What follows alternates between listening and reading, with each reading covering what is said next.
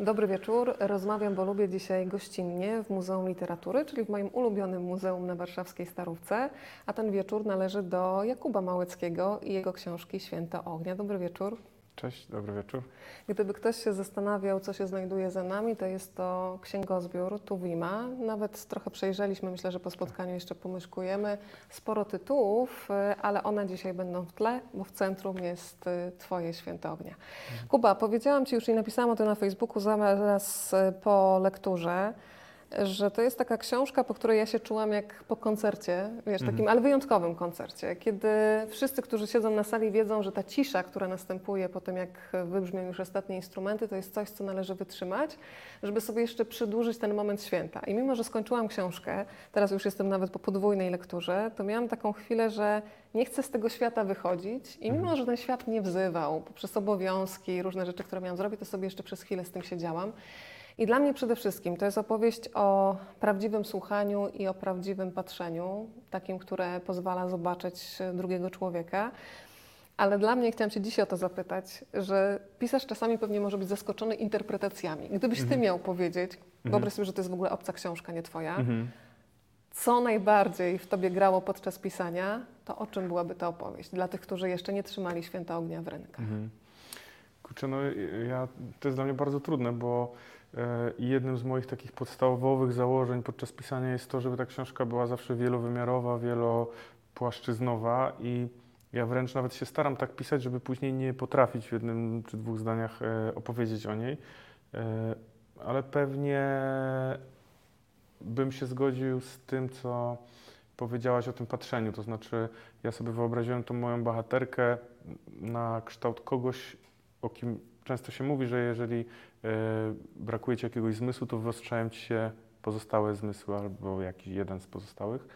I ja sobie wyobraziłem, że mm, ta nastka, ponieważ ma taki ograniczony kontakt ze światem, e, to wyrobiła w sobie taki taką zdolność obserwacji większą niż, niż inni i na tym się też trochę opiera konstrukcja książki, bo ta moja bohaterka wręcz potrafi się prawie że przenieść innego człowieka, tak blisko e, mm, go obserwuje i, i też bym chyba powiedział, że, że to jest książka o takim właśnie bliskim patrzeniu, o, o, o uważności na drugiego człowieka, e, pewnie o rodzinie i pewnie o, o prze, przezwyciężaniu, czy też próbach przezwyciężania jakichś swoich ograniczeń, czy to cielesnych, czy to jakichś takich tkwiących gdzieś tam głęboko w głowie. Ja od razu przywitam wszystkich, którzy nas oglądają i na profilu Rozmawiam, bo lubię, i na profilu Muzeum Literatury, i na profilu Jakuba Małeckiego. E, Można oczywiście zadawać pytania i meldować się z różnych miejsc w Polsce i na świecie, tak żebyśmy czuli, że emocjonalnie jesteście z nami blisko. Widzę, że już jest Londyn w postaci pana Piotra. E, Pani Karolina słucha nas na YouTubie i mówi, że święto ognia już zamówione, a póki co zamienia się w słuch. Proszę się zamieniać w słuch, a my będziemy opowiadać. Kolejne komentarze mi się wyświetlają, będę do nich się odnosić. Kuba, ja też sobie pomyślałam, że ta książka jest trochę też o takim poszukiwaniu perfekcji w niedoskonałym świecie i o tym, że kiedy nam się rzeczywistość wymyka spod kontroli, ja myślę, że każdy z nas ma takie doświadczenia, kiedy ma wrażenie, że bije głową w mur, to że szukamy sobie chociaż takiej jednej dziedziny, Mhm. którą możemy skontrolować na 100%. Mhm. Masz coś takiego e, w swoim życiu, bo dzisiaj będziemy się, tak wiesz, przeplatać Mhm, przez mhm. rzeczywistość Twoich bohaterek i Twoją osobistą. Ja się ostatnio zorientowałem, że mm, jest takie modne określenie tej strefy komfortu. Pewnie Mhm. ona dla każdego y, tkwi w, w różnych y, obszarach codzienności. Ja mam taką dosyć chyba nietypową, bo od y, chyba drugiej klasy liceum y, podnoszę ciężary codziennie i, i nie chodzę na żadne siłownie, ale mam po prostu w domu te ciężary i przyzwyczaiłem się do tego na tyle i na tyle to jest dla mnie już jakby znajome, że ja podczas takiego bardzo dużego wysiłku fizycznego czuję się bezpiecznie, bo nie myślę o niczym innym, tylko o tym. Właściwie żadna rzecz, która mnie na co dzień gdzieś tam potrafi czy dręczyć, czy niepokoić, wtedy się w mojej głowie nie pojawia. E, więc y, ja mam taką nawet tendencję do tego, żeby czasami wręcz wieczorem sobie uciec w ten, w ten świat, bo jeżeli, nie wiem, trzymasz na e, barkach załóżmy 100 kg, to właściwie nie ma, nie ma na świecie nic oprócz tych 100 kg. I e, wydaje mi się, że to wcale nie jest takie rzadkie, bo nie wiem, jacyś tam biznesmeni, zaganiani ludzie, których byśmy mogli nazwać ludźmi tak, zapracowanymi, ludźmi sukcesu, oni często uciekają w jakieś takie, nie wiem, bieganie maratonów i tak dalej, nie? Że jakby to jest jakiś wąski obszar w ich życiu, w którym oni nie mają tych telefonów od jakichś tam kurczę dyrektorów i tak dalej. Więc, y, więc u mnie, mm, u mnie jest, y, jest to na pewno właśnie e, ten sport. E, Na pewno czytanie książek też, ale przy czytaniu książek aż tak się nie, nie, nie wyłączam. Wydaje mi się, że e, do czytania potrzebuję takiej jednak y, trochę czystej głowy, w tym sensie, że zazwyczaj sięgam po książki, które czegoś tam ode mnie wymagają i, i, i nie są takie, wiesz, czysto, czysto rozrywkowe e, i tylko wciągające, więc, e, więc wydaje mi się, że raczej bym powiedział, że te, że te ciężary są w moim życiu tym takim, tą taką ucieczką. Powiedziałeś o tym sporcie, przypomniałeś mi jeden z Big Book Festiwali, kiedy zachęcono pisarzy i dziennikarzy do ścianki wspinaczkowej i Mhm. sama też przyjęłam tą propozycję, ponieważ byłam w drużynie z Kingą Baranowską. Sam rozumiesz, że nie można Mhm. odmówić ataku szczytowego z Himalajstką, mimo że Mhm. nigdy w życiu się nie było na ściance. Ale autentycznie się zakochałam, bo Tak. pomyślałam, że w ogóle o niczym innym nie myślisz, tylko jesteś skupiony na każdym kolejnym chwycie i na tym, żeby po prostu nie spaść z tej ściany, więc to też bardzo resetuje głowę. E, Chciałam Cię zapytać o Petersburg, e, Mhm. bo podobno e, cała opowieść, cała jakby, cały pomysł na to, żeby się balet pojawił w Święcie Ognia, pojawił się właśnie podczas Twojej wizy- wizyty w tym mieście. Zdradzisz więcej? No, w ogóle jest chyba tak, że często mi te pomysły przychodzą do głowy w takich niespodziewanych momentach. Ja tych pomysłów w żaden sposób nie szukam, ja jakby nie planuję sobie pisania kolejnych książek. To jest coś, co mi się gdzieś pojawi w głowie. Nie wiem, jak jadę tramwajem, czy jestem u brata i przy tej ostatniej książce rzeczywiście było tak, że miałem spotkanie autorskie w Petersburgu, no i pomyślałem, że pójdę sobie tam do, do teatru na, na balet. I tak naprawdę zastanawiałem się podczas tego baletu, na ile nasze takie wyobrażenie, bardzo pewnie związane z różnymi stereotypami e, dotyczące tancerki baletowej, jest w ogóle zgodne z tym, jak to dzisiaj wygląda na przykład w Polsce. E, I w sumie tak trochę bardziej z ciekawości niż z jakiegoś wielkiego takiego planu, bo myślałem, że może kiedyś napiszę o tym jakieś opowiadania, może nic nie napiszę. Zacząłem się tym interesować. Udało mi się e, jakby zdobyć kontakt do jednej z e, tancerek tego naj, największego baletu w Polsce i i jakby ona mi pokazywała ten świat coraz bardziej, coraz bardziej i okazało się, że rzeczywiście to nie, nie, nie miało wiele wspólnego z tym, co ja sobie wyobrażałem o, o życiu współczesnej baletnicy. Oczywiście każdy człowiek jest inny i w przypadku każdej tancerki pewnie te światy też są e, odmienne, ale, ale wiem, że ten świat może być zaskakująco normalny, zaskakująco przyjemny, pozbawiony wszelkich takich atrybutów jak krwawiące stopy, bolące ciało codziennie i, i, to, i to takie gigantyczne poświęcenie, które nam się z tym kojarzy na, na, takiej codziennej zasadzie. Bo tutaj ja, ja ten świat poznałem od takiej bardzo zwyczajnej i bardzo ciekawej strony. Kiedy myślę o balecie, to od razu mam taką wizualizację przed oczami puenty, które są z jednej strony bardzo delikatne, a z drugiej muszą być bardzo wytrzymałe. I znowu mi wróciło takie słowo, którego używaliśmy, kiedy rozmawialiśmy rok temu o Saturninie, że Mhm. Twoje bohaterki i bohaterowie, tak jak w Saturninie, są kruchosilni, prawda? Mhm. Bo znowu mamy kruchość zestawioną z siłą, jako pełnię tak naprawdę. Ja mam wrażenie, że my w życiu często chcemy wykastrować to wszystko, co jest w nas słabe, bo się tego wstydzimy, a nagle się okazuje, że bez tego y, no, nie ma człowieka. No, wydaje mi się, że, e, że chyba, no, tak jak powiedziałaś, no, każdy, każdy e, coś takiego ma. Mi się kiedyś wydarzało, wydawało, że jeżeli będę silny fizycznie, to będę silny w ogóle. Jak byłem właśnie, nie wiem, w liceum, czy gdzieś może na studiach i miałem takie... Mm, ulegałem takiemu złudzeniu, że być może dzięki podnoszeniu ciężarów mi będzie w życiu w ogóle łatwiej z różnymi innymi rzeczami. To się kompletnie jakby nie, nie sprawdziło.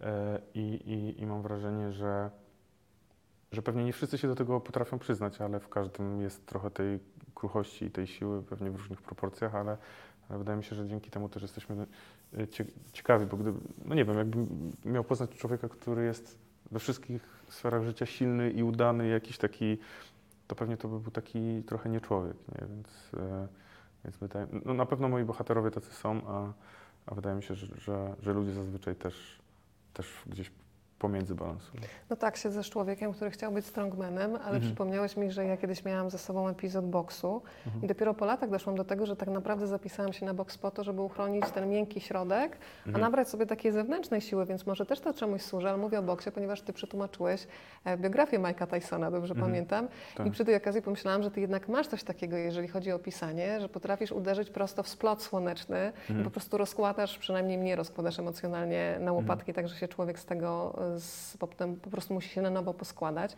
Bardzo ważna część święta ognia dla mnie to jest lęk. Mhm. E, Lęk, który nam towarzyszy na co dzień, szczególnie on jest mocny u ojca dziewczynek, u ojca Mhm. Łucji i Nastki. Jak jest u Ciebie z lękiem w życiu? Lękiem przed na przykład przed debiutem, lękiem przed oddaniem kolejnej książki w ręce czytelników. Mhm. Jakie Ty masz w sobie uczucia, kiedy już ona jest na rynku i wiesz, że już zaczyna żyć swoim Mhm. życiem? Kinga Dębska, która zresztą będzie adaptować Twoją Mhm. książkę filmową, powiedziała mi kiedyś, że ona przed premierą już ma takie poczucie, że zrobiła wszystko, co mogła, jakby dawała dziecko z takim tornisterkiem, wypuszczała je w świat i potem y, już świat, żeby tylko je dobrze przyjął, może mu Mhm. tak życzyć. Ja ci powiem szczerze, że jakby ja w ogóle nie, mm, nie doświadczam jakichś takich bardzo silnych emocji związanych z premierą mojej książki. Naprawdę? Ja, tak, ja doświadczam bardzo silnych emocji podczas pisania książki. Mhm. Mi najbardziej w pisaniu podoba się samo pisanie. Ja na przykład wiem, że być może to jest zaskakujące, ale gdyby teraz się okazało, że moja książka jest, nie wiem, na pierwszym miejscu listy bestsellerów, że jest przetłumaczona na 15 języków i tak dalej, to to dalej jest dla mnie mniejsza satysfakcja niż to, kiedy ja zamykam o jakieś tam 16 czy 17 e, laptopa i mam świadomość tego, że napisałem tego dnia na przykład coś pięknego. Bo to wszystko, co się później dzieje, to już nie jest związane z, jakby z moim pisaniem, rozumiesz? I e, ja, ja nawet czasami się dziwię mm, temu, że takie mam wrażenie, jakby ludzie, niektórzy y, z mojego gdzieś tam otoczenia, czy takich, których poznaję gdzieś, bardziej fascynowali się tym, co się dzieje wokół mojej książki, niż w mojej książce, nie? Że Mhm. o, byłeś w programie tamtej pani, albo byłeś y, tu, nie? Albo y, taka osoba zrobiła sobie zdjęcie z twoją książką. Ja mam wtedy takie poczucie takiego, jakby mnie ktoś oceniał za zupełnie coś innego, niż ja chciałem, żeby mnie oceniał. Kiedyś sobie wyobraziłem, że to jest tak, jakby na przykład właśnie była sztangistką, weszła na, e, na jakieś zawody, poderwała jakiś ciężar nad głowę, a ktoś by cię oceniał po tym, jaki miałaś kolor butów. Nie? Kompletnie coś zupełnie związanego z tym, co chciałaś zrobić. Znam to z telewizji, wiesz, jakaś Aha. ważna rozmowa i potem dostajesz maila, ładne miała Pani szpilki i po Aha. prostu wszystko Ci opada. No No właśnie, no właśnie. No właśnie. E, więc y, zupełnie szczerze, ja na przykład się bardzo ekscytuję premierami książek innych autorów, które wychodzą i które ja na przykład wiem, że chciałabym mieć, y, bo mam kilku takich swoich gdzieś tam ulubie, ulubieńców mm, i powiedzmy te premiery mnie ekscytują, a moja premiera raczej, raczej nie z tego względu, że ja się staram w ogóle tego nie śledzić. Cały jakby szum medialny, który się dzieje wokół książek, dzieje się trochę wokół mnie. Y, Ja nie mam na ani Facebooku, ani na Instagramie polubionej jednej rzeczy związanej z literaturą.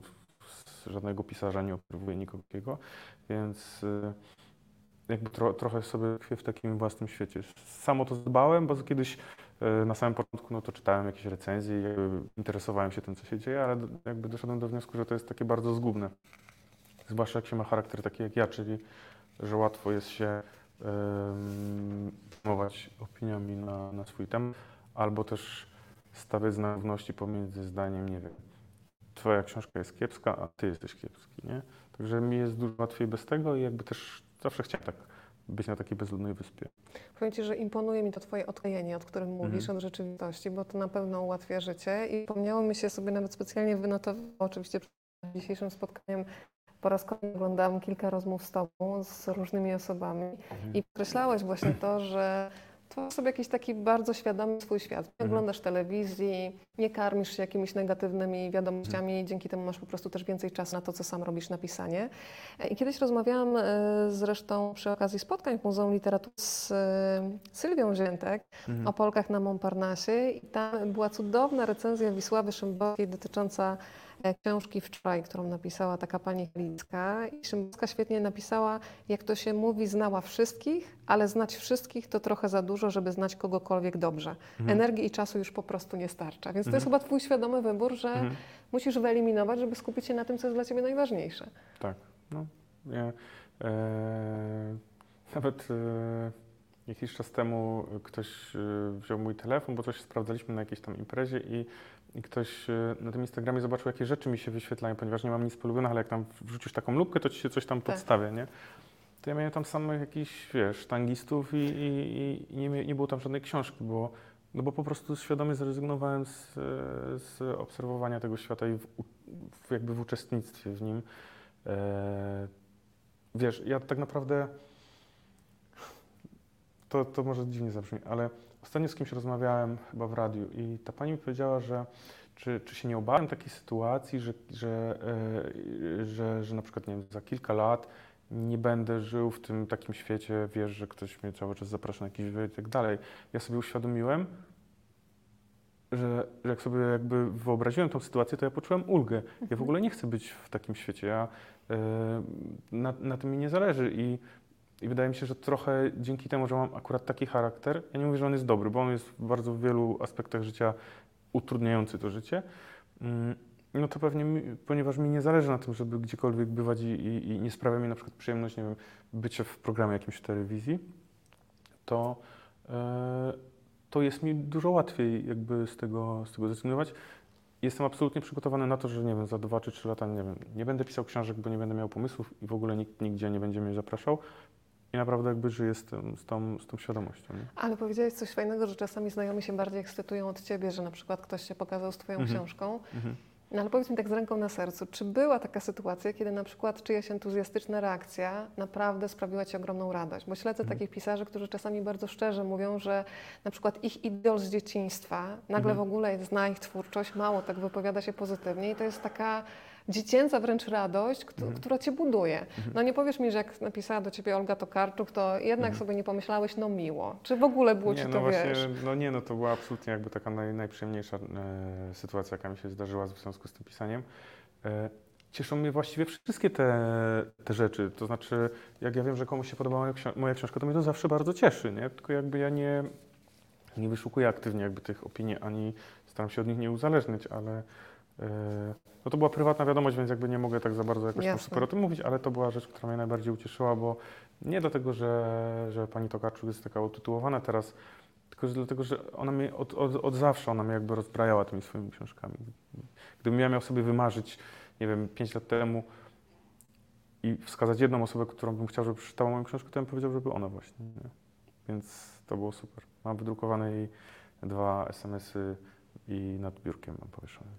I ktoś jeszcze oprócz Olgi sprawił podobną radość w tej skali takiej małeckiej? Hmm. Bez entuzjazmu, ale jednak z dużą Mhm. radością.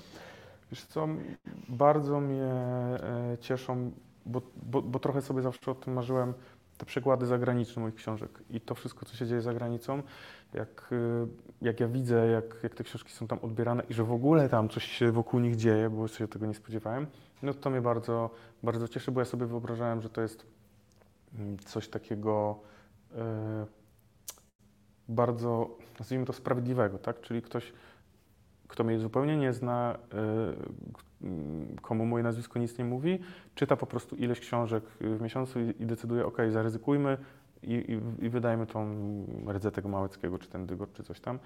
Więc to jest dla mnie takie jakby, nie chcę powiedzieć, że potwierdzenie y, tego, że coś fajnie zrobiłem, tylko takie bardziej, nie wiem, może docenienie, że coś, y, że coś zrobiłem. Nie? To z, od razu zróbmy aktualizację, bo już Mhm. wkrótce w Rosji dygot, Mhm. tak? A rdza będzie tłumaczona na jaki język? Macedoński, tak? Rdza, y, tak, no y, teraz będzie na macedoński, tak, no, a, a, a, a dotychczas się ukazała w Holandii, w Niemczech i w Słowenii, więc jakby to jest o cztery kraje więcej niż się spodziewałem, że tak powiem. Nie? To wracam do bohaterek Święta Ognia. Jedna z nich to jest Łucja, wspomniana baletnica. I Łucja e, słyszy takie zdanie, mm, i myślę, że każdy z nas ma w głowie takie zdania, które nam się zapisują na twardym dysku w sercu i w głowie i potem w momentach kryzysu niestety jak refren się odtwarzają.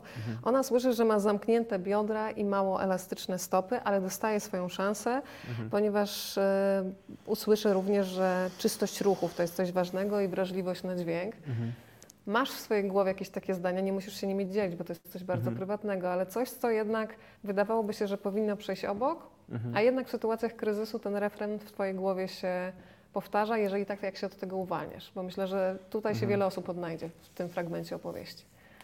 Zacznę od końca. Nie wiem, czy się uwalniam w ogóle od tego. Mhm. Mm, Wydaje mi się, że nie. I potrafię sobie przypomnieć tak przypadkowe teoretycznie rzeczy z młodości, ze szkoły, z, tych, z tego mojego życia osiedlowego, o których bym nie pomyślał, że ze mną zostaną, a zostają. I to są jakieś rzeczy typu na przykład powiedziałem mało śmieszny żart na ławce i na przykład ktoś na mnie spojrzał tak krzywo, nie? Ja na przykład do dzisiaj to pamiętam. Albo e, nie wiem, e, z kimś się witałem i, i, i zrobiłem coś niezręcznego. Takie rzeczy, które mm, wydarzyły się, nie wiem, 20 czy 30 lat temu, no może 30 to nie. E, I nie ma wśród nich żadnej takiej rzeczy, którym się, której bym się bardzo wstydził. To są raczej takie drobiazgi, mnóstwo takich drobiazgów, które zapamiętałem i na podstawie których stworzyłem sobie obraz siebie samego.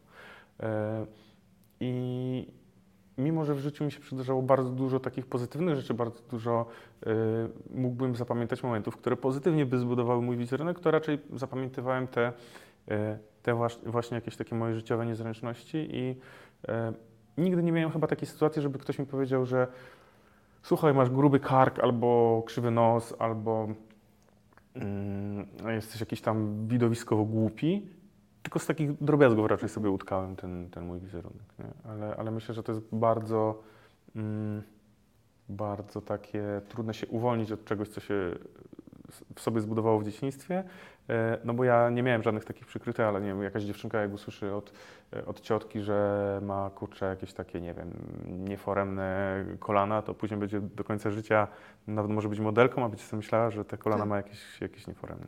Wtedy rozmawiałam z Kasią Wasilkowską, która pisze dla dzieci i tam jest Mm. taka bohaterka, która słyszy zawsze pół komplementy, czyli ładna, ale chuda, albo zdolna, Mhm. Ale leniwa. I w końcu Mhm. jakby już w ogóle wyłącza uwagę i marzy o tym, żeby w końcu była w pełni, a nie Aha. do połowy. Aha. E, Natomiast to, co powiedziałam i mówiłam o tym Państwu też w przedpremierowym wertowaniu, że Twoja Łucja słyszy, że jednak jest ta czystość ruchów i wrażliwość na dźwięk. I Mhm. gdybym miała powiedzieć, co mi się najbardziej podoba w Twojej twórczości, to jest właśnie czystość opowieści i wrażliwość na dźwięk. Mhm. Ja kocham takie fragmenty, kiedy Ty nie opowiadasz o pewnych rzeczach wprost, tylko po prostu człowiek czuje, o co Ci chodzi. Mhm. Jest taki no, prozaiczny fragment. Jest trzaskaniem drzwiczek w kuchni, brzdękiem naczyń, słyszę jego kroki, radio, ck, ck, ck, zapalarki do gazu i gwizd czajnika urwane szybciutko. Mhm. Opisujesz sytuację przez dźwięki. Ja od razu widzę kogoś, kto wstaje wcześniej, bo kogoś kocha, Mhm. szybko zdejmuje ten czajnik, bo nie Mhm. chce kogoś obudzić. Skąd jest w tobie taka wrażliwość na dźwięk? W ogóle jestem ciekawa, czy ty czytałeś książki Ani Cierkowskiej, na przykład Dewocję, bo Nie. mam wrażenie, że wasza wrażliwość mogłaby Mhm. bardzo ładnie zarezonować wspólnie. Ja w ogóle nie czytam współczesnej literatury za bardzo. Ja siedzę w takich rzeczach przed 100 lat, jakoś tak mnie do nich ciągnie bardziej, więc, y, więc kompletnie nie znam e, tej autorki. E, To ja ci podeślę. Ok. E, Natomiast e, to jest e, te rzeczy, o których mówisz i złapałem się na tym, że często w moich książkach na przykład są też zapachy jakoś mocno obecne, ale nie wiem dlaczego, nie wiem z czego to się bierze. E, Wydaje mi się, że ani słuchu, ani, ani węchu nie ma żadnego w ogóle e, interesującego, to znaczy mam jakieś prymitywne pewnie. A jakie No to- zapachy najbardziej lubisz? Takie, które po prostu powodują, że się odwracasz albo zatrzymujesz. Mhm. Teraz tutaj stworzymy taką mapę zapachową Kuby No nie, no pewnie bym, pewnie bym powiedział jakichś takich bardzo mm, prostych, to znaczy, no nie wiem, na czekoladę się zawsze odwrócę, no. Rozumiesz, takie rzeczy. No. E, jakieś zapachy takie może drzewne, skórzane, to byłoby coś, co, mm, czy jakieś takie, wiesz, Przecież główna bohaterka też pachnie Mhm. olejek paczuli. Mhm. Dobrze Mhm. pamiętam? Tak, Teraz mi tak, się tak. otworzyła ta szufladka. ale jakoś mi się kojarzą na przykład te zapachy takie dla mnie fajne z tym, że mm, na przykład, nie wiem, masz jakąś y, linę na statku i, i, i ona czymś pa- pachnie jakąś taką historią, a nie tym, że po prostu to jest jakiś, jakiś określony zapach. I, i to siodło, czy, czy jakiś dym z, z papierosa też mi się kojarzy z jakąś większą całością, a nie tylko z tym, że po prostu ładnie ci to działa, działa na zmysły. Ale też, y, no nie wiem, y, y, ja, ja chciałbym pisać w taki sposób, żeby mm, żeby nic nie mówić wprost, a na przykład, żeby wszystko było wiadomo. Jeżeli mówisz o tych dźwiękach, no to mógłbym napisać, że nie wiem, że właśnie tata po cichutku wstaje i tak dalej, ale jak napiszesz coś takiego, to, to czasami jest to po prostu ciekawsze i nawet więcej, e, więcej o tym mówi. Nie? Sam, sam lubię bardzo takie rzeczy czytać czy, czy oglądać. Ja sobie przypomniałam też, że kiedy rozmawialiśmy o Saturninie, to tam był taki fragment, e, który też był zakorzeniony z Twojego życia, wtedy mi to powiedziałeś, czyli taki rytuał przed snem. Mhm. E, Jak się żegnaliście ze swoją mamą, jak, zanim położyliście Ach. głowę do poduszki? I zaraz powiem, Mhm. dlaczego to wyciągam Mhm. teraz. Nie wiem skąd to się wzięło. Mieliśmy taki jakiś zwyczaj, że mówiliśmy, niech, się, niech wam się przyśni coś pięknego albo jeszcze piękniejszego, ale, ale kto to wymyślił, to nie wiem, bo, e, bo myślę, że nie ja, ale może się to, wiesz, tak, tak stworzyło, jak się tworzą rytuały, nie wiem, w małżeństwie. Pewnie można byłoby napisać całe słowniki, którymi się posługują małżeństwa czy pary e, z wieloletnim stażem, bo ten język zaczyna się sam jakby tak e, tam tworzyć. I to gdzieś było no w naszej rodzinie no, dużo takich rzeczy. Nie wiem, na kluski z truskawkami u nas się mówią marabulum, ale dlaczego to też nie Ale wiem. pięknie. No, więc To teraz jak będę jeść kluski z truskawkami, to jak? Marablum? marabulum. Marabulum, okej. Ale pytam o to, ponieważ przecież tutaj, jeżeli chodzi o święto ognia, też jest rytuał. I pomyślałam sobie, że nawet z Twojej książki można się nauczyć e, takiego rytuału, e, żeby go wciągnąć do swojej codzienności. Tam jest kasztan. I na Mhm. przykład Nastka ma już ile? 20 kasztanów? Tak, tak. które e, co, każda jesień to jest jeden kasztan podarowany od taty. Miałeś jakieś Mhm. takie fragmenty, które pamiętasz z własnej rzeczywistości, oprócz Mhm. tego rytualnego e, takiego mm, powiedzenia pięknych Mhm. słów sobie przed snem, Mhm. e, to też wyciągnąłeś gdzieś z takich obserwacji, czy po prostu wymyśliłeś ten rytuał, który też pokazuje bliskość emocjonalną pomiędzy bohaterami? Ja nie, może nie pamiętam jakichś takich bardzo wyraźnych ze swojego życia, ale ja sam teraz na przykład e, no w swojej rodzinie jakby tworzę dużo takich rytuałów. Jest to mi jakieś takie bliskie. Wydaje mi się, że, że takie powtarzalne, przyjemne rzeczy e, fajnie ci jakby tak w ogóle kształtują jakoś czas, bo jak ja sobie kojarzę na przykład dzieciństwo, to ja je odmierzałem przyjemnymi rzeczami, które się działy w jakichś równych odstępach czasu. Na przykład z braćmi zawsze czekaliśmy na poniedziałek na 20, bo leciało archiwum X. Nie? I jakby to nam dużo takich, tak, dzień. dużo takich przyjemnych, albo na przykład zawsze w niedzielę przed obiadem jedliśmy placek troszczowy z rodzicami. Nie?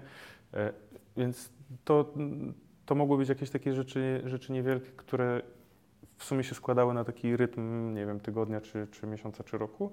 Mm, I chyba jakby na co dzień ja- też bardzo lubię coś takiego robić. Lubię całe wszystkie rytuały związane z parzeniem kawy. Mam tyle instrumentów do parzenia kawy, że już nawet przestałem je liczyć.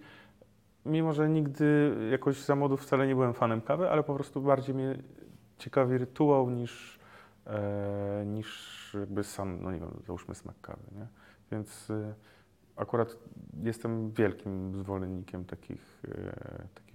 Tu możemy przebić piątkę. Ja uwielbiam też takie neologizmy. Powiedziałeś o tym języku małżeństw. Mhm. E, Mój mąż dzisiaj tutaj z nami Mhm. akurat siedzi i ja dzięki niemu znam słowo wycieczka, bo to dużo lepsze od wycieczki, bo chodzi o cieszenie się. I my na przykład jeździmy na wycieczki, więc zapraszam Państwa też do tego, żeby wyciecz- wycieczki uskuteczniać.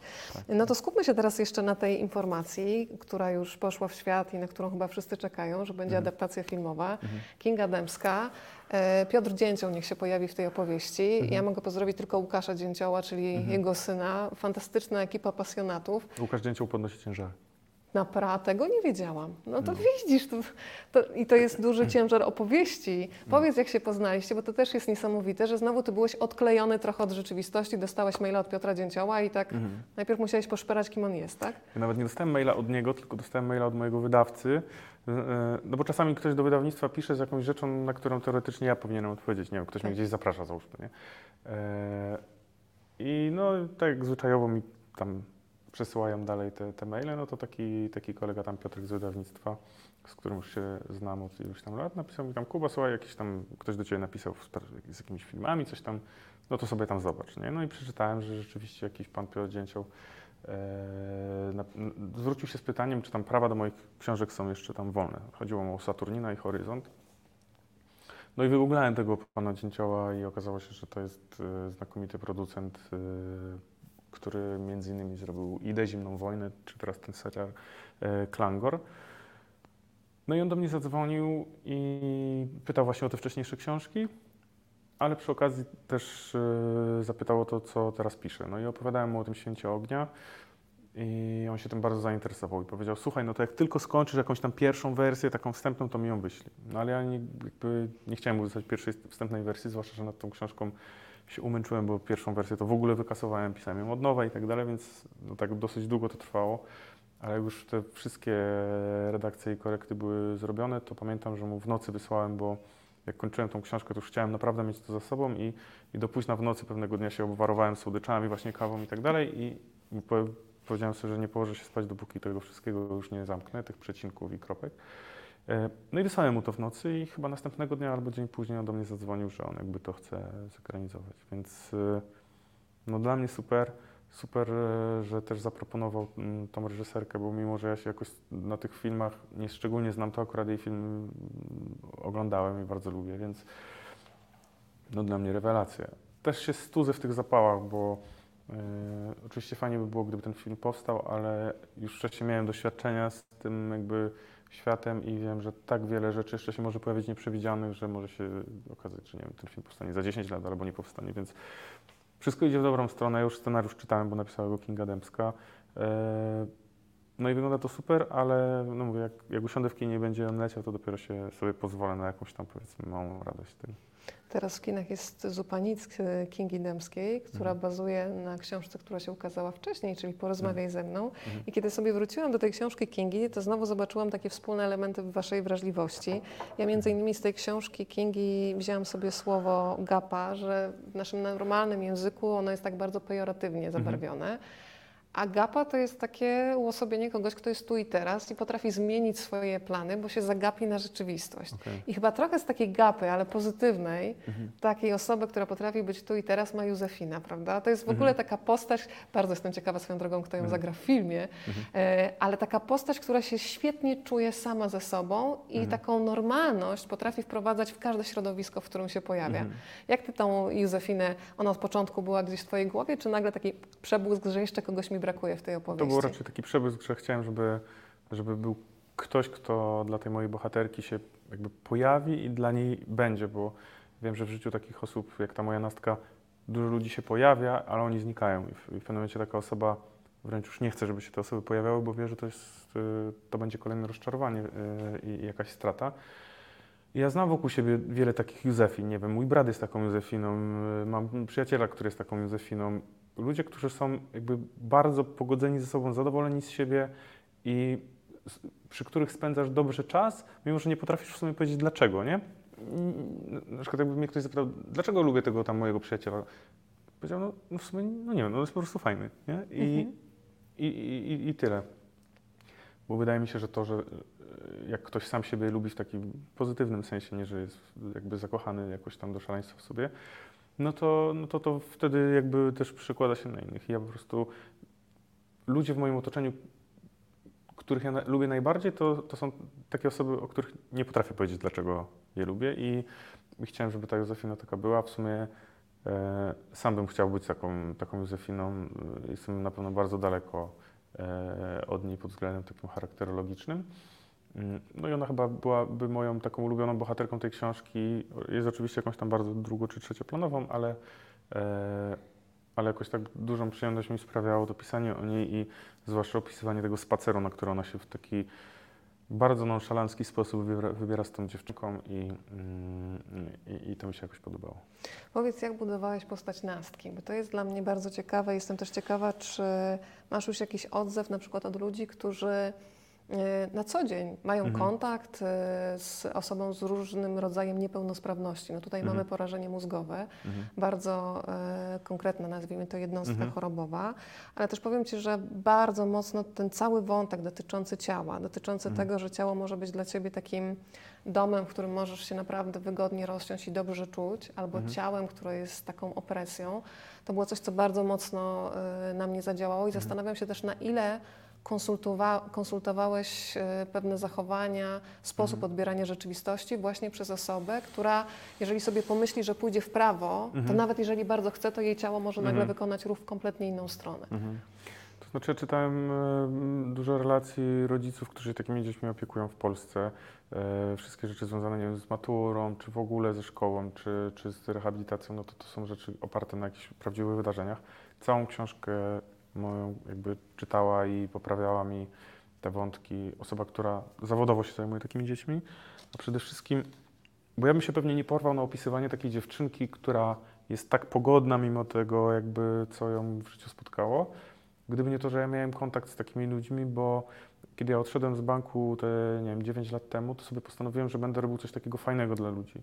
Po prostu zapisałem się do jakiegoś domu opieki społecznej w Poznaniu i myślałem, że tam będę obierał ziemniaki albo zamiatał. Chciałem robić coś takiego, no wiesz, żebym się tak w sumie fajnie poczuł. A coś Tak. robię dla, nie wiem, dla innych, nie? Okazało się, że pani dyrektor mnie pierwszego dnia zaprowadziła do małżeństwa takiego, nie wiem, oni mieli po 60 lat i oboje cierpieli na porażenie mózgowe, nie? I, i ja przez te ileś miesięcy, kiedy z nimi raz w tygodniu spędzałem czas i po prostu ja miałem im pomagać w, w tym, w czym będą chcieli. Głównie chodziłem z tą panią Halinką na zakupy, czy tam robiliśmy jakieś takie rzeczy. Po pewnym czasie zaczęliśmy po prostu spędzać fajnie ze sobą czas i to było jakby to moje zadanie, nie? Grałem z panem Marianem w szachy, mimo że wiesz, bardzo trudno mu było się poruszać. Wszyscy paliśmy papierosy, pokryłem mu w kiblu, gdzie w ogóle to była taka logistyka, że ja musiałem ich wprowadzać do tego kibla, zamykać, podawać im te papierosy. Sam ich kupowałem te papierosy, bo pan Marian tylko palił popularne bez filtra, które były tylko w jakimś kiosku gdzieś tam, cudajanki. Ale ja się zorientowałem, że ci ludzie mogą się cieszyć życiem, że mogą mieć swoje marzenia, mogą chcieć mieć ten bunt, bo my jak naprawdę się zamykaliśmy w tym kiblu i jaraliśmy te papierosy, to my mieliśmy takie poczucie, że my robimy cały świat w... Nie? Tak. I, yy, I to było, to było wspaniałe. A jak z panią Haliną jeździłem na, na zakupy do Tesco, no to robiliśmy same głupie rzeczy, nie? Zachowywaliśmy się jak para nastolatków, mimo że ona była 60-letnią kobietą z porażeniem mózgowym, więc, yy, więc się wygłupialiśmy i, i wszelkie niezręczności, które mogłyby jej sprawiać kłopot, czyli na przykład jak ona coś próbowała zamówić i powiedziała coś niewyraźnie, obracaliśmy zawsze w żart, Mhm. bo byliśmy dwoje w tym, nie? Tak. Więc jakby z mojego doświadczenia wyniosłem to, że nie musimy odbierać tym osobom prawa do posiadania pełnego wachlarza cech, y, nadziei, myśli, uczuć i, i tak dalej, tylko dlatego, że one z zewnątrz wyglądają inaczej. Nie? To jest Mhm. niesamowite, wiesz, że bardzo często ja mam takie doświadczenia, mój tato się porusza na wózku i tam Mhm. jest taki cudowny fragment, kiedy ty piszesz o spojrzeniach Mhm. i jest taki moment, kiedy jako rodzina dojrzewasz do tego, że tak, tato od wielu lat jeździ Mhm. na wózku i radzi sobie świetnie Mhm. i na przykład masz taki moment, że żartujecie, jesteście w ogóle roześmiani i nagle spotykasz czyjś wzrok, Mhm. który chce dobrze, Mhm. ale w tym wzroku jest takie współczucie, które Mhm. cię sprowadza na dół, tak jakby Mhm. był już tylko tym wózkiem, a nie Tak. był człowiekiem i Tak. to jest niesamowite. Mhm. A, e, a propos takich sytuacji, to wiesz co, stwierdziłam, że mój tato ma dużo z takiej pogody nastki, bo on zawsze jak do niego dzwoni, jak się czujesz, dobrze, tylko nie mam nóg i w ogóle ostatnio dzwoni, co robisz? Maluję drzwi. A ja mówię, ale jak malujesz? No mam taki, na takim przedłużeniu. Ja mówię, a jak nie sięgasz? No to ściągam z zawiasów. Ja mówię, hej, nie możesz poczekać? Nie, nie, ja sobie tak podciągam. To jest, jak on to powiedział, małe piwko z dużą, z dużą pianką. I w ogóle nie ma problemu. I ja y, uważam, że są właśnie ludzie. On mi pokazuje, jak wstawać codziennie bez nóg, czyli kwestia naprawdę to tak jak nastka, czyli że ona nie pozwala, życie jej odbiera bardzo dużo, prawda? Ale ona sobie nie pozwala odebrać jakby kształtu myślenia o rzeczywistości, że te jej myśli są wolne. E, A powiedz, bardzo, nie wiem, czy ty widziałeś film Nietykalni? Tam był milioner, który... e, Chyba tak, ale to widziałem bardzo dawno temu. To chyba był jakiś remake, a ja widziałem ten jakiś taki pierwszy. To Chyba. ja tylko przybliżę sytuację, że był taki film, gdzie był milioner, który był sparaliżowany i zatrudnił chłopaka z przedmieść z taką szemraną przeszłością do tego, żeby mu pomagał. I powiem Ci, że ja akurat tej, tego filmu nie lubiłam dlatego, że tam było dużo właśnie takiego obśmiewania rzeczywistości, jakby pokazywania w komediowy sposób niepełnosprawności.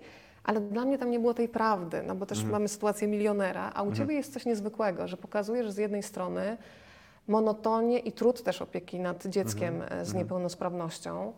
E, Bunt rodzica, który sobie też kompletnie inaczej wymarzył przyszłość swojego dziecka, jakiś rodzaj żałoby, że to dziecko, które miało być zdrowe, takie nie jest, a jednocześnie ogromną miłość i że pod tą miłością może być frustracja, złość, wściekłość, ale że to nie odbiera miłości. Dzie- Dzięki temu masz prawdę, nie masz przekoloryzowanej rzeczywistości. Jak tworząc, balansowałeś na tej cienkiej granicy, żeby to ciepło nie było, wiesz, brokatowe, ciepłe, że jest inaczej niż w rzeczywistości, bo bardzo łatwo tę cienką granicę chyba przekroczyć. I wydaje mi się, że ja w e, początkowej wersji tej mojej jakby już drugiej, tego drugiego podejścia do książki miałem za bardzo taką e, momentami cukierkową tą rzeczywistość i ta kobieta, która mnie jakby sprawdzała i mi to konsultowała, ona mnie trochę sprowadziła na ziemię, nie? To znaczy ona mi zwracała uwagę na te momenty, kiedy było za dobrze, e, kiedy było za mało tego trudu pokazanego, e, więc e, ja w sumie dosyć dużo poprawiłem po jej, po jej uwagach. Ona mi te, te uwagi jakby e, podesłała już, jak książkę miałem tak naprawdę i po redakcji, po korekcie, więc dużo, dużo tam jeszcze musiałem pozmieniać.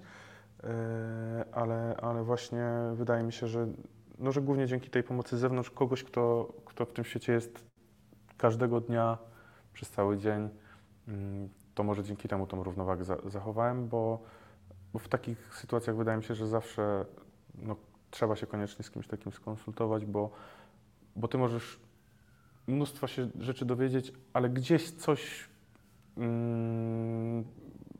zrobisz teoretycznie niewielkiego, co będzie dla kogoś, kto, kto to czyta, może jakąś bardzo dużą e, różnicę robić, więc, mm, więc pewnie dzięki tej, tym konsultacjom to mi się jakoś tam, jeżeli się udało, to, to pewnie dzięki temu. A czy pani Halinka, o której wspominałeś, to od Mhm. papierosków czytała już na przykład książkę? Bo też jestem właśnie ciekawa Mhm. tej osoby, która dokładnie zna rzeczywistość, o której opowiadasz.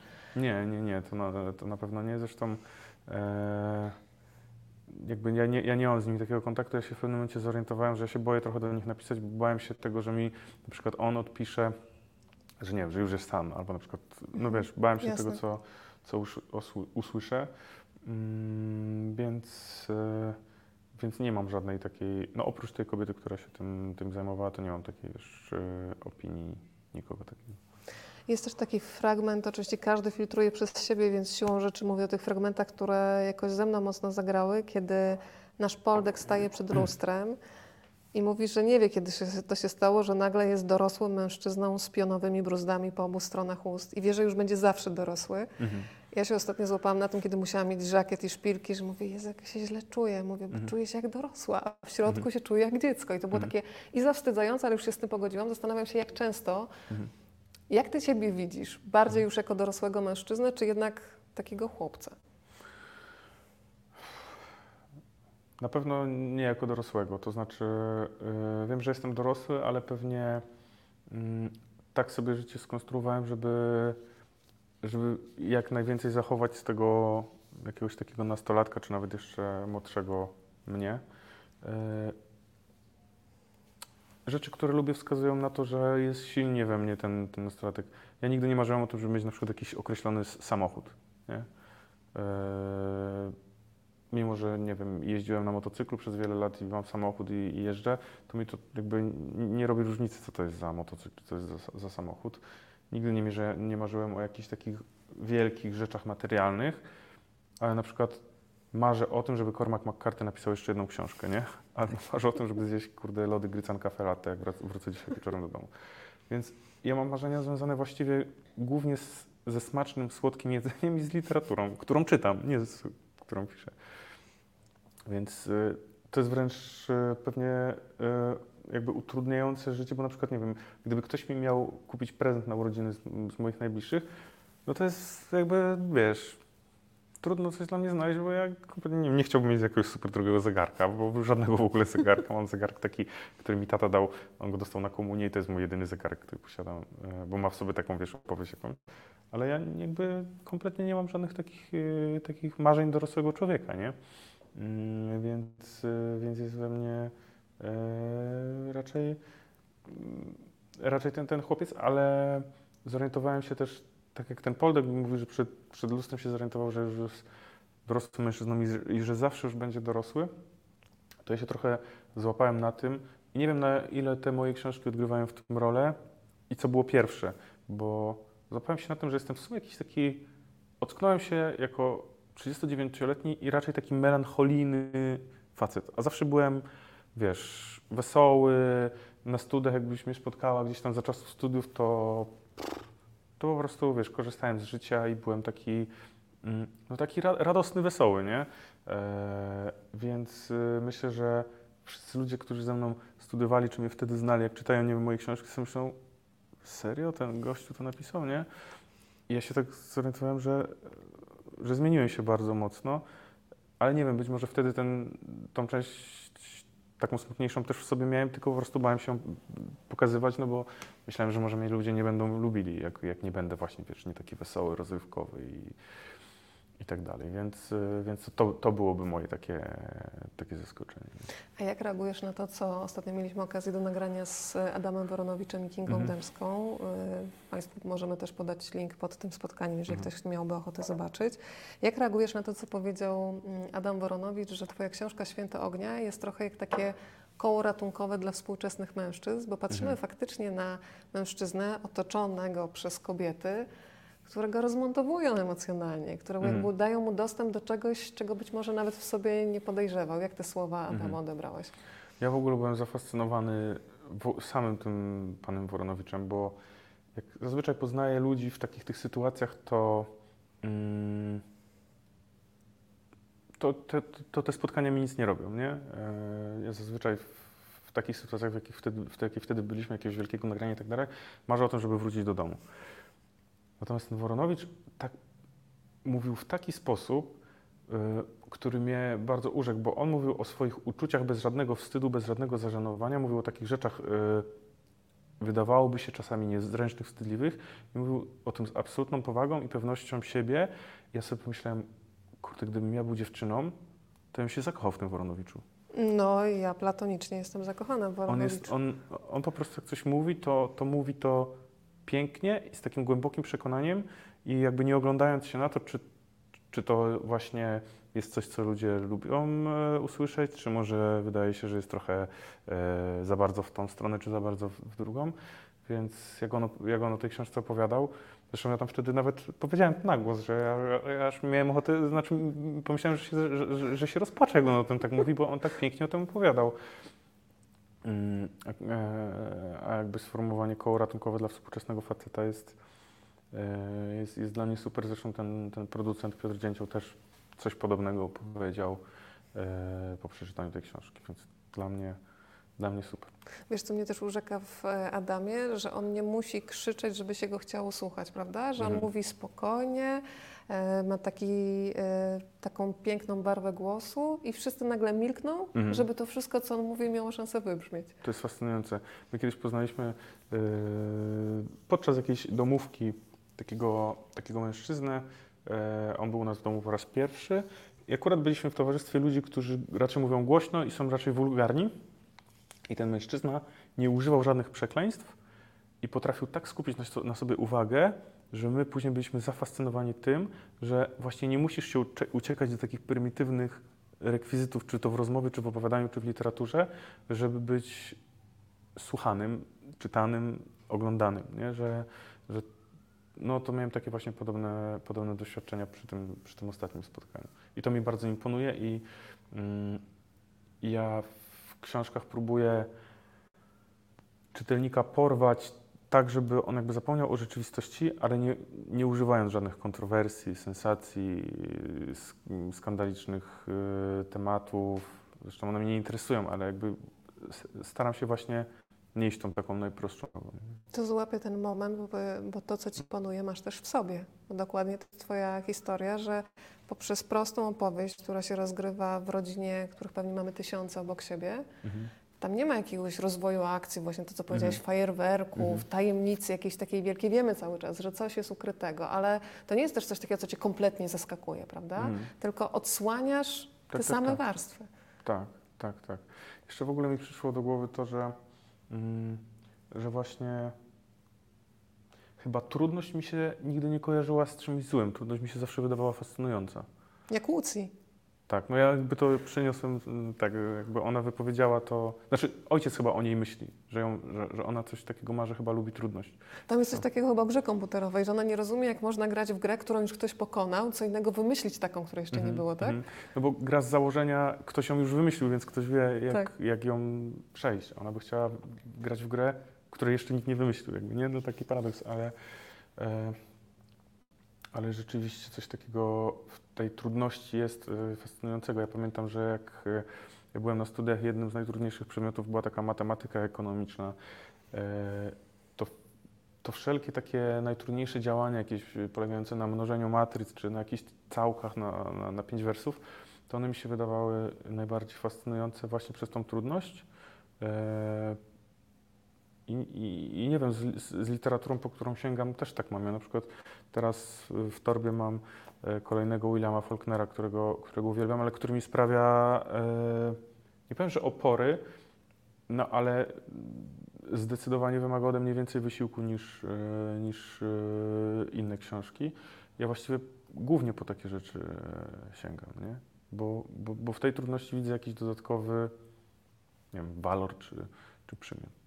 Święto Ognia też jest dla mnie taką książką, która pokazuje, że czasami potrzebujemy drugiego życzliwego ucha, żeby pewne rzeczy do siebie powiedzieć sobie na głos. I zastanawiam się, czy tak nie jest też u Ciebie z pisaniem. Na ile Ty na przykład w życiu jesteś Mhm. taką osobą, która oczywiście w zaufanym gronie, Mhm. nie mówię, że taka otwarta i wylewna do wszystkich, szczególnie tych, Mhm. których nie znasz. Mhm.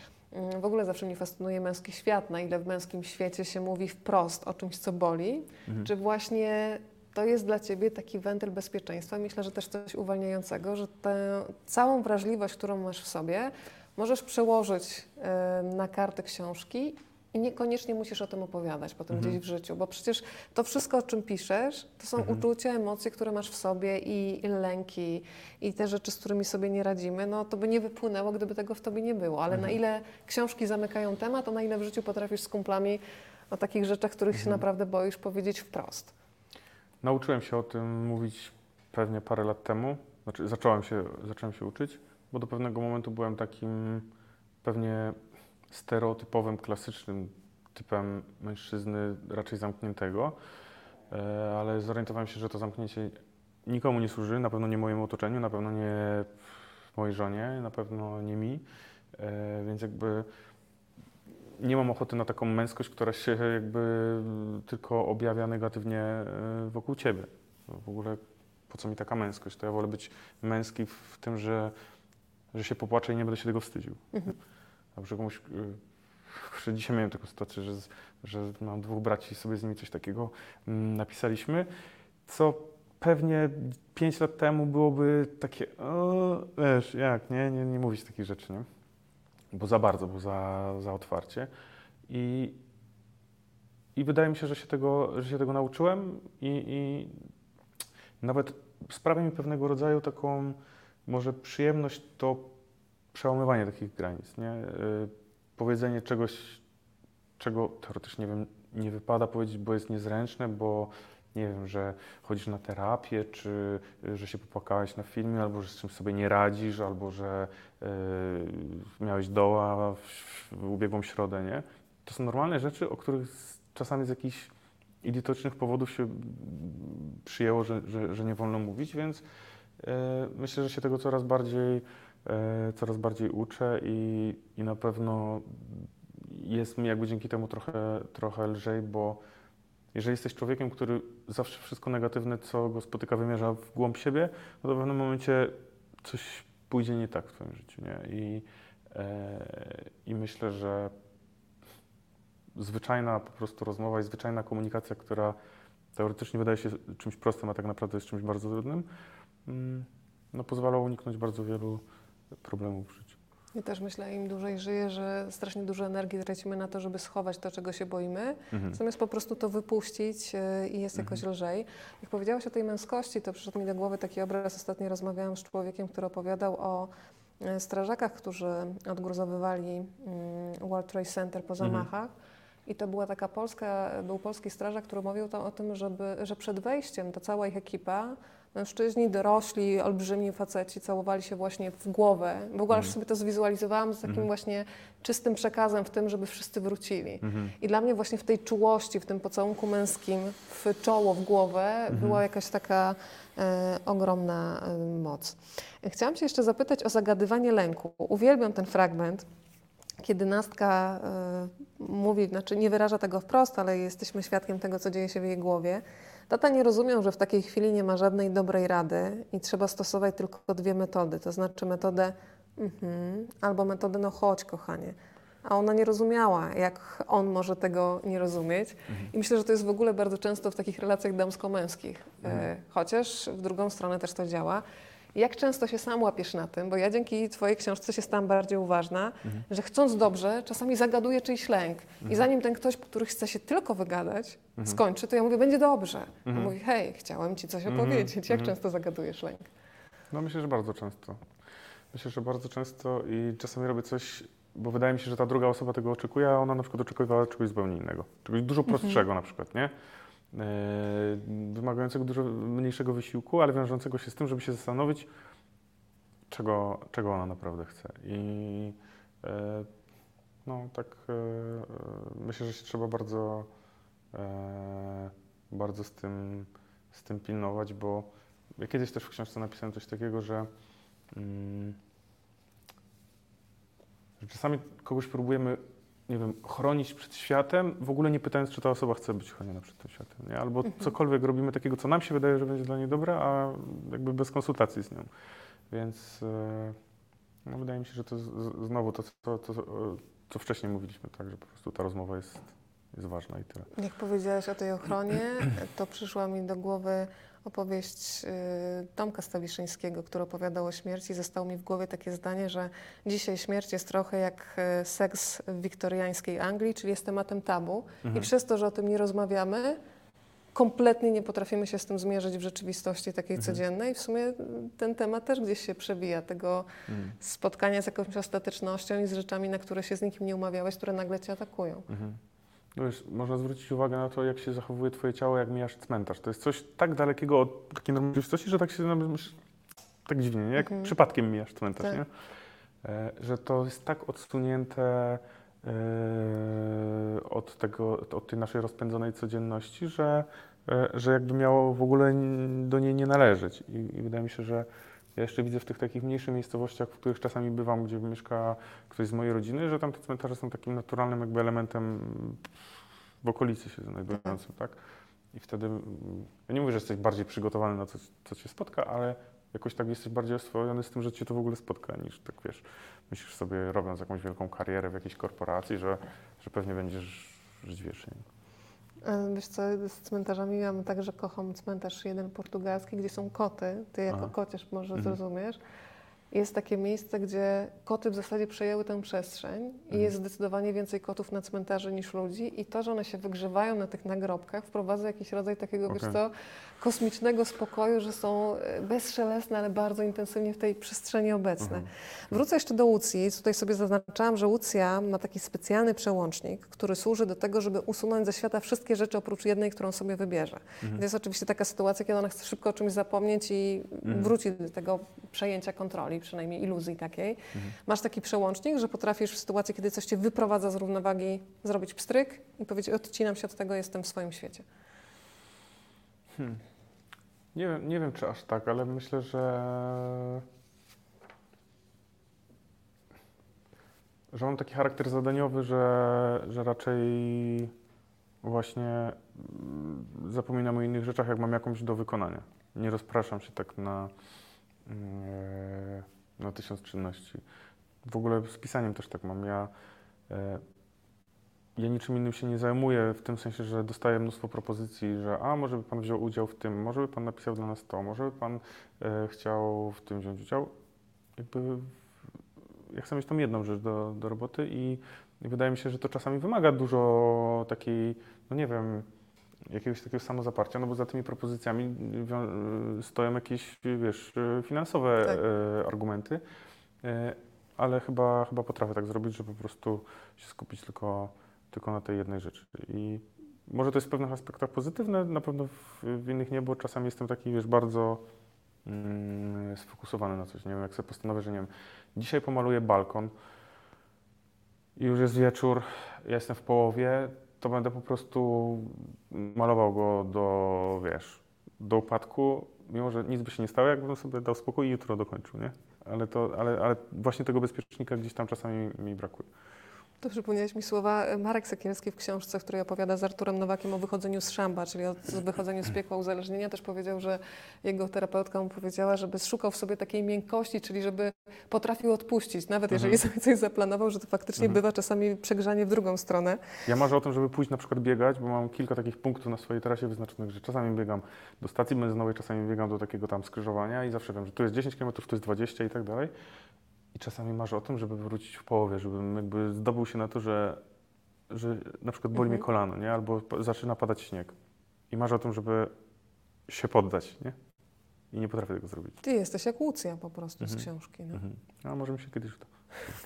To jeszcze muszę Cię zapytać o muzykę. Na Mhm. ile ważna w tej opowieści mm, była ta warstwa? Z jednej strony Święto Ognia, od razu powiedzmy, że to jest tytuł baletu z 1902 roku, ale tam Mhm. na przykład przewija się Queen i to bardzo konkretny utwór.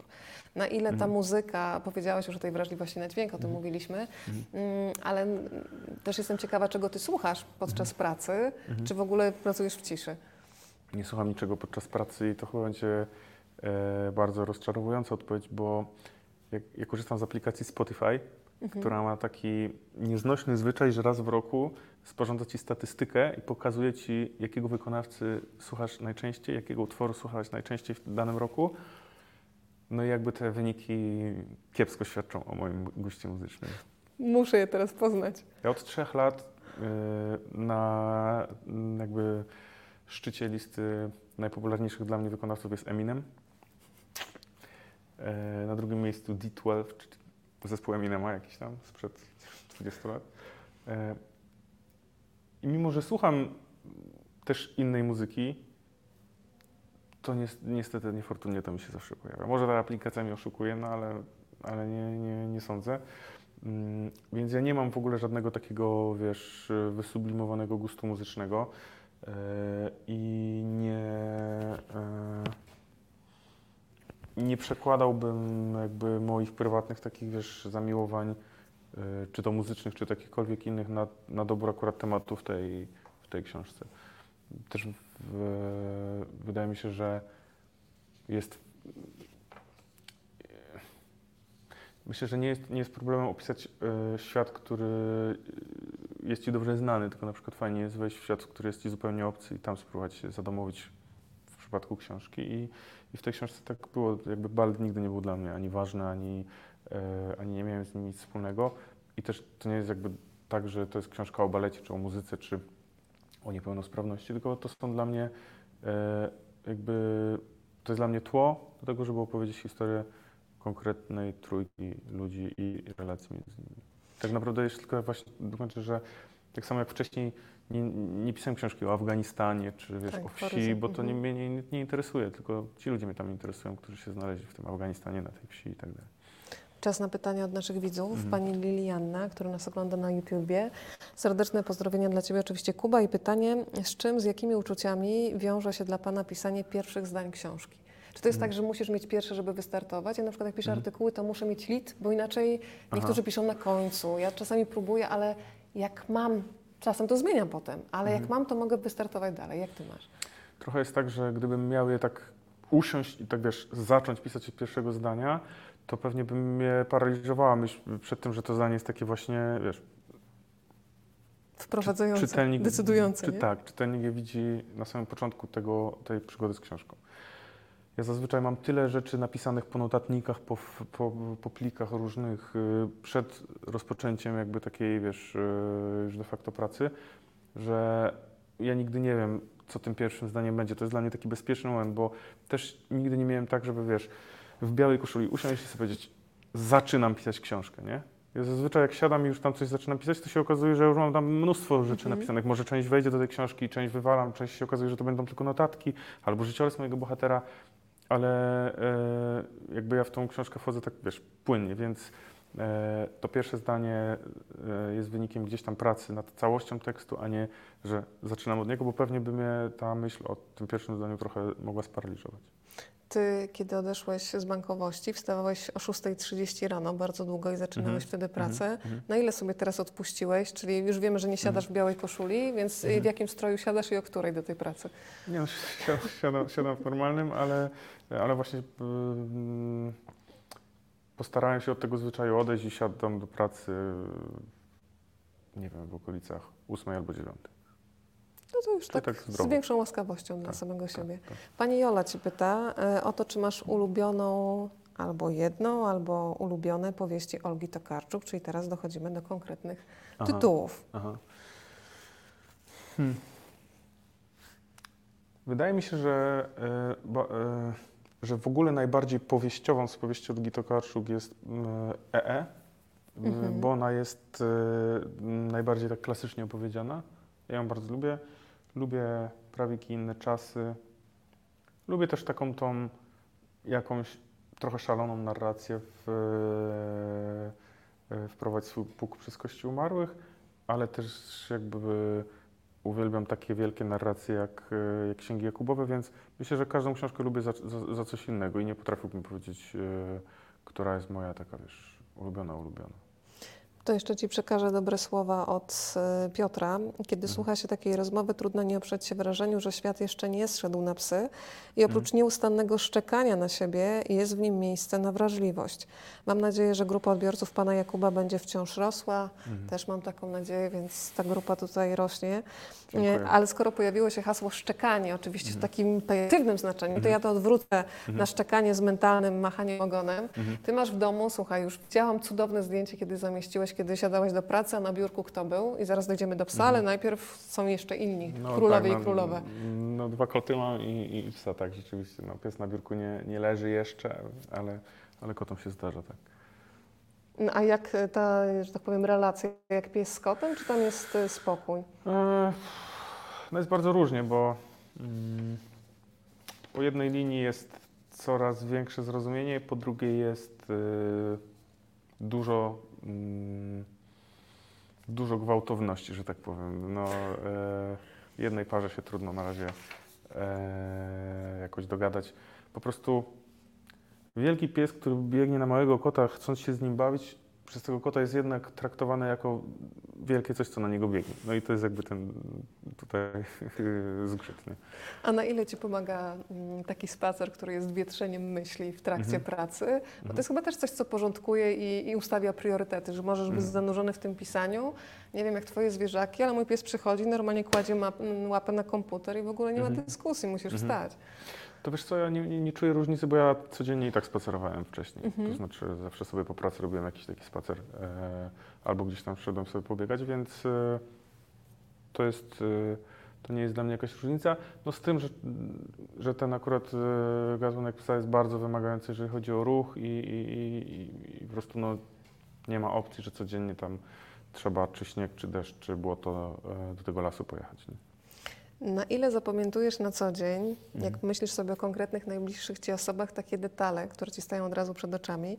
Ja uwielbiam Twoje sformułowanie, bo tam mamy parę, która się bardzo kocha. Myślę Mhm. o Lenie i o Polczku. Mhm.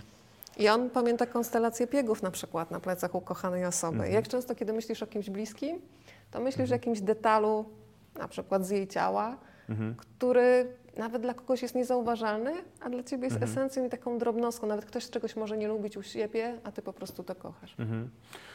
No ja w ogóle wydaje mi się, że patrzę na rzeczywistość przez pryzmat tych wszystkich detali i na, nie musi się to wiązać z, z najbliższą osobą, czy z ciałem czyimś, czy, e, czy w ogóle z człowiekiem. Natomiast e, ja tyle zapamiętuję drobiazgów z rzeczywistości, że czasami nie, nie, ja na przykład nie, nie zapamiętuję tego, w jaki sposób mam dojechać w jakieś miejsce, w którym byłem już Mhm. na przykład 300 razy e, i zawsze włączam nawigację albo kogoś pytam, e, ale zap- potrafię zapamiętać e, to, w jakim sweterku ktoś był e, 10 lat temu, kiedy ja tego kogoś poznałem, nie? Więc e, mój mózg wybiera takie rzeczy do zapamiętania zupełnie jakby trochę no, nieprzydatne na takim, wiesz, życiowym poziomie, ale tak rzeczywiście jest. Ty nas dzisiaj karmisz bardzo dobrym słowem. Kiedy rozmawialiśmy rok temu, powiedziałeś, że jedno z Twoich ulubionych słów to jest łasuch. E, więc zastanawiam się, czym się posilisz, bo tutaj wiesz, wydatek energetyczny jest spory. Mhm. Kiedy wrócisz do domu, tam lody padły Mhm. i za to podobno jesteś wdzięczny, że w ogóle istnieją. Tak, tak, E, tak. to, to co dzisiaj będzie konsumowane? Nie wiem, ale mam słabość do rzeczy niezdrowych i jakby trochę się z tym pogodziłem, że Ej, przecież Ty ciasta piekłeś z fasoli, to się zmieniło?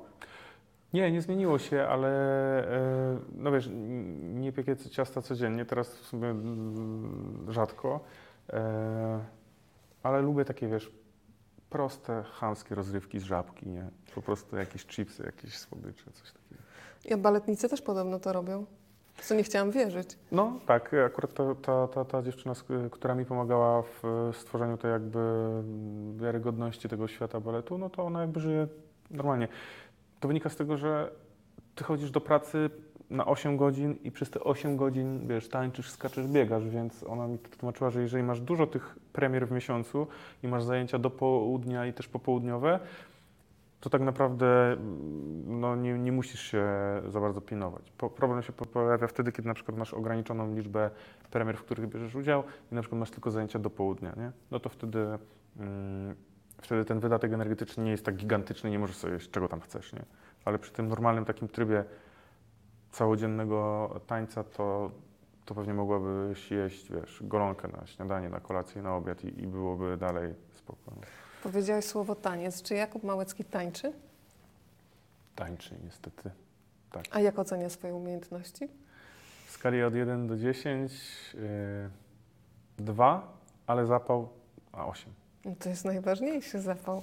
No. Y, Jak rozmawialiśmy z Adamem Woronowiczem, wspominaliśmy film Billy Elliot i on Mhm. mówił o tym, co czujesz, kiedy tańczysz, a Mhm. twoja bohaterka, czy to jest też coś, co wziąłeś dosłownie ze słów tancerki, że ona Mhm. mówi o tym, że kiedy kończysz występ, to masz takie wrażenie, jakby ci ktoś zastrzygł z miłości tam w podskórę, Mhm.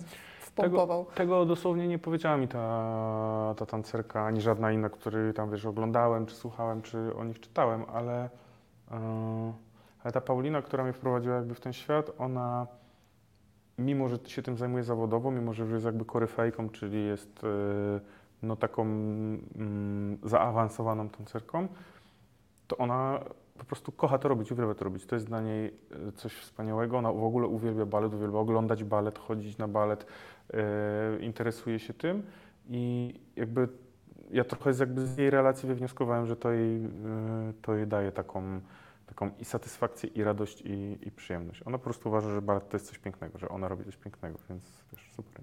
nie? Bardzo ciekawy tutaj wpis się, słuchaj, pojawił. Mhm. Pani Marzena y, nie pozdrawia ciebie, ale pozdrawia twoją żonę. Mhm. Pyta, w zasadzie nie musisz teraz w imieniu żony Mhm. odpowiedzieć, jak się żyje z tak wrażliwym człowiekiem.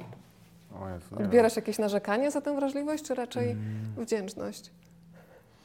Wiesz co, żeby jakby nie, kolo, nie koloryzować rzeczywistości, wydaje mi się, że, że to ma tyle samo ciemniejszych e, odcieni, jak i jaśniejszych. E, że ja na przykład na co dzień wolałbym nie być tak wrażliwy, żeby, żeby nie wiem, bezpiecznie funkcjonować, bardziej pewnie, pewnie się czuć i tak dalej. E, więc myślę, że jakby nie, na pewno bym tego nie, ide, nie idealizował, że to ma tyle samo cech pewnie e, trudnych, co jakichś takich e, fajnych, bo to fa, na pewno w miły sposób wpływa na, na różne rzeczy, które się robi w życiu, ale pewne rzeczy utrudnia albo niektóre uniemożliwia, więc e, e, wydaje mi się, że to jest tak pół na pół. Nie wiem, czy mnie teraz powstrzymasz, czy nie. Jak mnie powstrzymasz, to ja oczywiście będę posłuszna, ale Mhm. chcia- chciałam Cię zapytać, czy możemy powiedzieć, bo mi bardzo zaimponowało to, czym się Marta zajmuje. Możemy powiedzieć, Mhm. czym się Marta zajmuje, czy nie? Możemy powiedzieć tak. No bo y, znam niewiele kobiet, które służą w Ochotniczej Straży Pożarnej. Mhm. Powiedz trochę więcej, bo ja myślę, no wiesz, tutaj Ciebie chwalimy, Mhm. ale mm, myślę, że ta osoba, która jest przy piszącym, też jest bardzo wspierająca i ważna. I zastanawiam Mhm. się, na ile właśnie z Martą, zanim Mhm. wyjedzie na akcję albo w przerwie, Mhm. konsultujesz też e, książki. Czy Ty jej pokazujesz, czy masz w sobie coś takiego, że pokazujesz dopiero, kiedy skończysz? Nie, z nikim nie konsultuję, nikomu nie pokazuję, ani jej, ani, ani wydawcy, nikomu. Cieszę się, że mamy osobne światy, bo zawsze mi się to podobało. Nigdy się nie spodziewałem, że ona będzie strażaczką w ogóle, a, a jest. Właściwie teraz mam w domu dwie strażaczki, bo mój pies też jest strażakiem.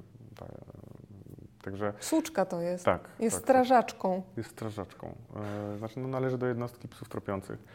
E, więc ja zawsze lubiłem mm, żyć w, zawodowo w osobnych światach, bo to mi zawsze budowało ciekawość tej drugiej osoby. I, i, to, i to na pewno e, tutaj tak się, tak się dzieje. Żadne z nas się nie spodziewało tego, że Marta będzie kiedykolwiek strażaczką. Jeszcze trzy lata temu pewnie w ogóle nie było takich, takich myśli. Więc to jest wszystko dla nas zaskakujące, tak samo jak te, nie wiem, 9 lat temu było zaskakujące, jak odchodziłem z banku, bo też się nie spodziewałem, że będę pisał książkę. A to zastanawiam się, na ile, znając teraz bardzo dobrze na pewno z opowieści Marty rzeczywistość, na przykład Mhm. działania w Ochotniczej Straży Pożarnej, Mhm. Na ile Cię korci już teraz, Mhm. żeby gdzieś kolejną powieść oprzeć właśnie doświadczenia takich osób, które na co dzień no, funkcjonują na bardzo dużej e, Mhm. adrenalinie i w takim bezpośrednim zagrożeniu życia. Mhm. Jakoś w ogóle o tym nie myślałem. To znaczy, mm, nie wiem, nie, nie, nie, nie przyszło mi to do głowy. Raczej chyba, e, Nie wiem, może dlatego, że tak, e, tak bardzo rozgraniczam jakoś te światy, a, e, a dwa, że mnie zawsze te raczej takie kameralne historie interesowały, więc e, nie, chyba, chyba, chyba, chyba nie planuję czegoś takiego. To ostatnie, przedostatnie pytanie ode mnie. Mhm. Czy wierzysz w magię liczb? Bo ona za chwilę będzie magiczna dla kogoś z Państwa. Nie, wiesz, ja z, z liczbami spędziłem mm, jakby całą, że tak powiem, tą młodość w, na studiach. Zresztą no, po studiach z, z ekonomii e, robiłem też studia doktoranckie. Nie zrobiłem doktoratu, ale jakby kolejne 4 lata spędziłem w tych liczbach, później w banku. Więc jakby ja nie przypisuję liczbom magicznych właściwości, bo je tak dobrze miałem okazję poznać. Oglądałam Waszą rozmowę z Michałem Nogasiem y, w Sopocie i bardzo mnie rozbawiło, kiedy faktycznie mówiłeś o tym, że no, ludzie płaczą przy Twoich książkach, ale zdecydowanie lepiej płakać z powodu literatury, niż płakać na przykład z powodu kredytu w banku, który Mhm. tam rośnie i Ty musisz Pani czy Panu powiedzieć, że no, Mhm. coś z tym fantem trzeba zrobić. Mówiłam Mhm. o magii liczb dlatego, że mamy dwie książki od wydawnictwa SQN Aha. e, do rozdania naszym widzom, więc ja Cię poproszę o dwie cyfry liczby od 1 do 15 i potem te, które wybierzesz, sprawdzę, kto w takiej kolejności wpadnie do skrzynki Rozmawiam, bo lubię. Aha. Mm, Ciężar odpowiedzialności poczułeś, prawda? Tak, tak, tak, tak. No to może e, dwójkę wybiorę. Bo zawsze jak jesteś drugi, to tak ci się wydaje, że... Że tak było blisko, nie? I 15, skoro to ostatnio. Drodzy Państwo, rozmawiam, bo lubię gmail.com. Po naszym spotkaniu z Kubą sprawdzę i dam Państwu znać, w jaki sposób będzie można odebrać książkę. Y, To na koniec mam pytanie, ponieważ przyjrzałam Twoje wpisy na Facebooku, a w zasadzie Twoich czytelników i jedna Pani Mhm. napisała, że wczoraj odebrała przesyłkę. Z jednej strony nie mogę się doczekać momentu, gdy zatopię się w tej historii, a z drugiej odciągam chwilę rozpęcia, bo to oznacza, że zaraz będzie po i znów mące oczekiwania na kolejną. Mhm. Były też wpisy o tym, że się ucieszyła, że dziś ma wolne, bo gdyby nie, to by wzięła urlop na żądanie, żeby Aha. Cię posłuchać, więc zazdroszczę Ci takich wiernych czytelników. No ale nawiążę do tego pierwszego wpisu, Mhm. bo to jest faktycznie tak, że wiesz, kameralna opowieść czytasz, połykasz szybko i masz ochotę znowu na wrażliwość Małeckiego. Czy Mhm. książka kolejna się już pisze? Na Mhm. jakim etapie jesteś? E, wiesz, tą książkę skończyłem pisać w lutym, a e, no, mamy wrzesień, więc w tym czasie cały czas coś tam robiłem, ale staram się nigdy tak nie mówić o tym e, jakoś e, głośno, bo tyle razy miałem już taką sytuację, że porzucałem wiele, nawet set napisanych stron, że nigdy nie, nie mam tej pewności, że to, co teraz piszę, ostatecznie się uda i, i, i, i, ujrzy światło dzienne, jak to się mówi. E, natomiast e, no, pracuję cały czas, codziennie, po, wiesz, tak jak, tak jak zawsze i, mm, i podoba mi się ten pomysł, podoba mi się ten świat, w którym jestem. On nie jest jakby w żadnej mierze tak spektakularny, spektakularnie różny, to znaczy nie musiałem teraz na nowo poznawać świata jakiegoś innego, tak jak baletu czy Afganistanu, ale mimo wszystko jest odległo od tego świata, w którym, mm, w którym, w którym teraz żyjemy.